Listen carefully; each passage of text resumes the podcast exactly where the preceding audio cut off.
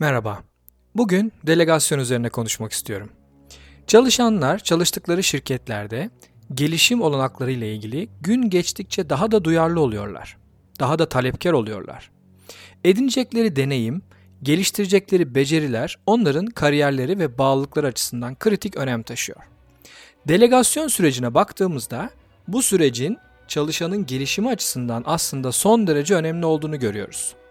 Ayrıca delegasyon süreci otonomi, yetki kullanımı, mikro yöneticilik, özgürlük, sorumluluk kavramlarıyla da yakından ilgili. Önce delegasyonla ilgili gördüğüm bazı sıkıntılardan bahsetmek istiyorum. Bir tanesi şu. Ekip liderleri delegasyonla ilgili sıkıntılarından biri delege edecekleri işle ilgili önceden yeteri kadar düşünmüyorlar. Önceden yeteri kadar planlama yapmıyorlar. Özellikle bireysel başarı sonrası terfi alarak ekip yönetmeye başlayan kişilerde bu önceden düşünme konusu sıkıntı yaratabiliyor. Çünkü uzun süre bireysel katkı veren, individual contributor denen pozisyonda yer alıyorlar. Bir başarı gösteriyorlar. Örnek veriyorum belli bir süre çok iyi satış yapıyorlar.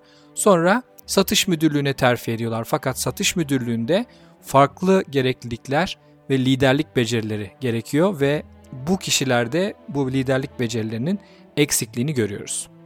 Bu kişiler bazen beyin fırtınası düşünce yapısından birinden bir işi isteme düşünce yapısına geçerken zorlanıyorlar ve nasıl yapacaklarını bilemiyorlar. Ekip liderleri istenen iş için bitirme tarihi konusunda net olmayabiliyorlar ve bu çok karışıklık yaratıyor çünkü çalışan da bunu dönüp sormak istemiyor çeşitli sebeplerden kötü görünmemek için, beceriksiz görünmemek için. Örnek veriyorum bir ekip lideri ya bu işi önümüzdeki birkaç günde tamamlamanı istiyorum dediği zaman aslında tam ne demek istiyor? Anlamak çok güç. Birkaç gün nedir? İki gün müdür? Üç gün müdür? Üç günün sonu mudur? Dört günün başı mıdır? Veya şöyle de söyleyebiliriz. Lütfen bu işi bu hafta Perşembe saat 16'ya kadar tamamlamanı rica ediyorum. Çok daha net ve ne olduğu da belli. Burada bir önerim olabilir. O da şu. Bir cümle var. Bu cümleyi tamamlayacak netlikte çalışanda istenen önceden düşünülüp planlanmalı.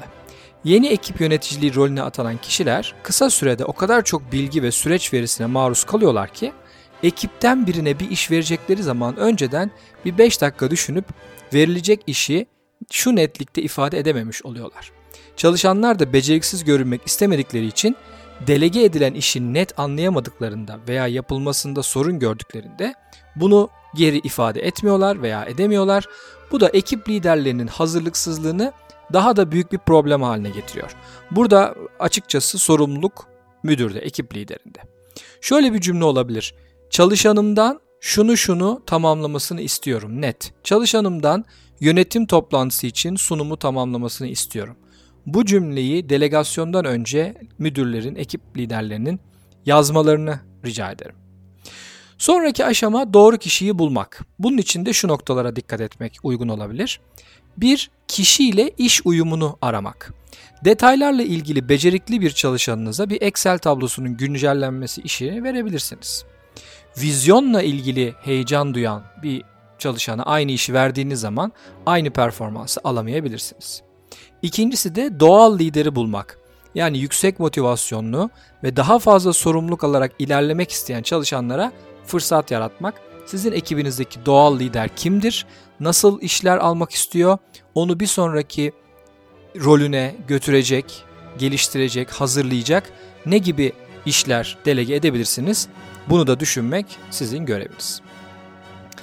Delegasyon sırasında yani delegasyonun tam başlangıcında şunlara dikkat etmek ve şöyle bir akışta olmakta fayda görüyorum. Önce kısa bir toplantı organize etmenizi öneriyorum. Lütfen bu toplantıyı e-posta ile organize etmeyin. Yani e-posta ile içeriği paylaşmayın. E-postalar yanlış anlaşılmaya müsait ve net olmanız daha zor. Ayrıca e-postalar kişisel ilişki geliştirmenize, çalışanınızla bağ kurmanıza çok da hizmet etmiyor. Eylemleri değil, varılması gereken hedefi belirtin. Yani parça parça senden şu eylemi, şu eylemi, şu eylemi istiyorum yerine senden şu hedefe varılacak eylemleri yapıp bana bilgi vermeni ya da yapmanı istiyorum gibi. Eylemleri belirttiğinizde çok direktif veren bir tarafta olabiliyorsunuz. O zaman çalışan kendi içinde hissetmiyor, sahiplenmiyor ve öğrenmiyor da aynı zamanda. Ne üzerine odaklanın, nasıl tarafını çalışana bırakın. Yani nasıl yapacağını çalışanın e, otonomisine, özgürlüğüne, sorumluluğuna bırakın. Yine iki örnek vermek istiyorum. Bir e, delegasyon cümlesi şöyle olsa nasıl olur? Lütfen şu Excel dosyasını numaralarını güncelleyerek F'den H kolonlarını A ile C kolonlarının sonuna yerleştirerek ve imla hatalarını düzelterek günceller misin? Ne duyuyoruz burada? Çalışan için öğrenme çok sınırlı veya neredeyse yok. İşi sahiplenme oranı çok düşük, çok direktif verir gibi bir delegasyon. Talimatları sadece uygulama şeklinde ve motivasyon düşürücü. Çalışanın başarısı üzerine bir sonuç yok. Yani çalışan bunu başardığı zaman ona şöyle bir katkısı olacak gibi bir şey söyleyemiyoruz. Sonuçta hangi hedefe hizmet edeceği de netleştirilmemiş. Yani bu Excel sheet'i e, istenen şekilde düzelttiği zaman çalışan ne olacak, ne işe yarayacak? Bu da netleştirilmemiş. Peki şöyle versek bu işi. Lütfen şu Excel dosyasının yönetim kurulunda sunulmak üzere tüm verilerin doğru olmasını sağlayacak şekilde günceller misin? Bunun devamı da var ama bu cümle üzerinden şunları söyleyebilirim. Yaparken öğrenme imkanı daha fazla. Birçok olanak var bu işi yaparken. İşin sahibi çalışan sorumluluk alır. Çalışana faydası var. Bu sayfayı güncelleyerek yönetim kurulunun belli verilerden nasıl sonuçlara varabileceğini de görmüş oluyorsun. Nasıl kısmı çalışana bırakılmış. Otonomi daha fazla, yaratıcılık da mümkün. Ve eğer e, ekip lideri şöyle bir şey söylese ne kadar güzel olur. Biliyorum bir süre sonra kendi işini kurmak istiyorsun. Burada üzerinde çalışacağın Excel tablosu aslında senin için gerekli bazı becerileri de edinmeni sağlayacak. Sürecin daha iyi sonuçlar vermesi için iki önerim daha var. Bir ara toplantılar, bir de boşluk bırakarak bitirme tarihini planlamak. Bu şekilde hem mikro yöneticiliği yok etmiş oluyoruz, azaltmış oluyoruz. Hem de proje sırasında gelişebilecek sıkıntıları da yol üzerinde çözebiliyoruz. Ara toplantılardan şunu e, kastediyorum. Daha sık toplantılarla başlayıp karşılıklı anlayış ve uyum geliştikçe bunu azaltabilirsiniz. Örnek olarak 6 haftalık bir proje için başta haftada 2 kısa toplantıyla gelişimi izleyebilirsiniz, düzeltmeleri yapabilirsiniz. Sonra da haftalık toplantılarla devam edebilirsiniz. Boşluk bırakarak bitirme tarihini planlamak da son anda büyük değişiklikler yaşamamak ve aynı sayfada olmak için bitirme gününden belli bir süre önce projeyi bitirmeyi planlamayı ve kalan süreyi düzeltmeler ve gözden geçirmelerle geçirmeyi içerir. Yani cuma 3'te, 4'te, 5'te akşamüstü bitirilecek bir proje için diyebilirsiniz ki çarşamba akşamüstüne bunu planlayalım. Perşembe günü de tüm projenin geldiği yere kontrol edelim. Cuma'ya beraber hazır olalım. Burada önemli bir nokta var. Otorite ve otonomi. Acaba çizgiyi burada nasıl çekebilirsiniz? Şimdi ekip lideri olarak tabii ki çalışanınızın yaptığı işten sorumlusunuz, sorumlu olursunuz.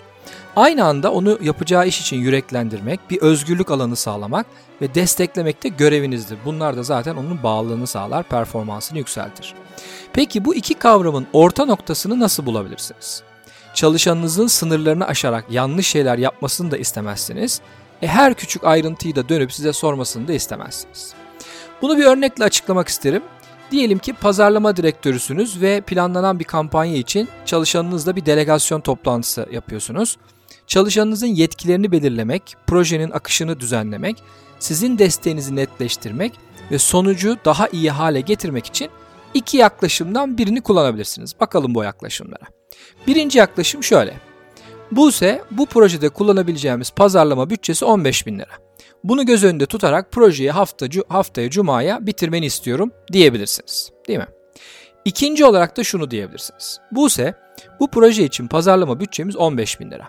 Bu bütçeyi kendi belirlediğin kriterler içinde kullanabilirsin.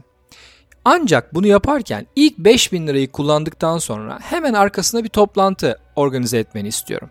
Böylece o ana kadarki harcama kalemlerine ve etkinliklerine birlikte bakabiliriz ve sonraki 10 bin lirayla ilgili yolumuzu belirleyebiliriz.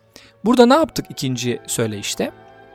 Daha net limitler koyduk. Yani çalışan nereye kadar yetkisi olduğunu biliyor. Ne zaman size dönüp e, bir kontrol, bir e, ara toplantı yapması gerektiğinin de farkında. Yol üzerinde ara toplantıları belirledik ve çalışan verebileceği kararları bilerek kendini güçlü ve desteklenmiş hisseder böyle bir durumda. Benzer bir şekilde karar alınmadan önce çalışanınızdan herhangi bir konuyla ilgili şu aşamaları isteyebilirsiniz delegasyon sürecinde. 1. olası çözüm olanakları üzerinde düşünme. 2. Bir çözüm tavsiyesi üzerine karar verme. 3. Bu tavsiyenin neden iyi olduğunu açıklama. Yani burada şunu demek istiyorum. Ee, herhangi bir karar noktasında çalışanınızdan bunları istediğiniz zaman çalışanınız o süreci sahiplenecektir. Bir karar alacaktır aslında. Bir kararla ilgili bir noktaya gelecektir ve onu size paylaşıp ben bu kararı şu şu şu sebepten aldım böyle gitmemiz lazım diyecektir. Bu durumda aslında siz de eğer bunu uygun görürseniz çalışan tamamen sürecin sahibi olacaktır. Örnek yine Buse bu iş için hangi uygulamayı kullanacağımız konusunda süreci ilerletirken tek başına bir karar verme konusunda destek ihtiyacın olursa lütfen bana şu bilgileri içeren bir e-posta gönderir misin diyebilirsiniz. O da da şunlar.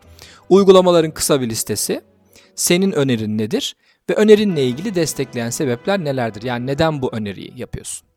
Bu şekilde çalışan liderlik becerilerini geliştirecek şekilde seçenekler arasında en iyi çözümü bulmak için de kafa yormuş ve süreci sahiplenmiş olur.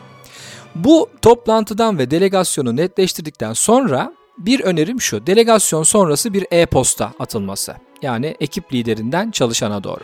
Bu e-postada şunlar olması lazım. Bir, işin tanımı, içerik ve araçlar ne oldu?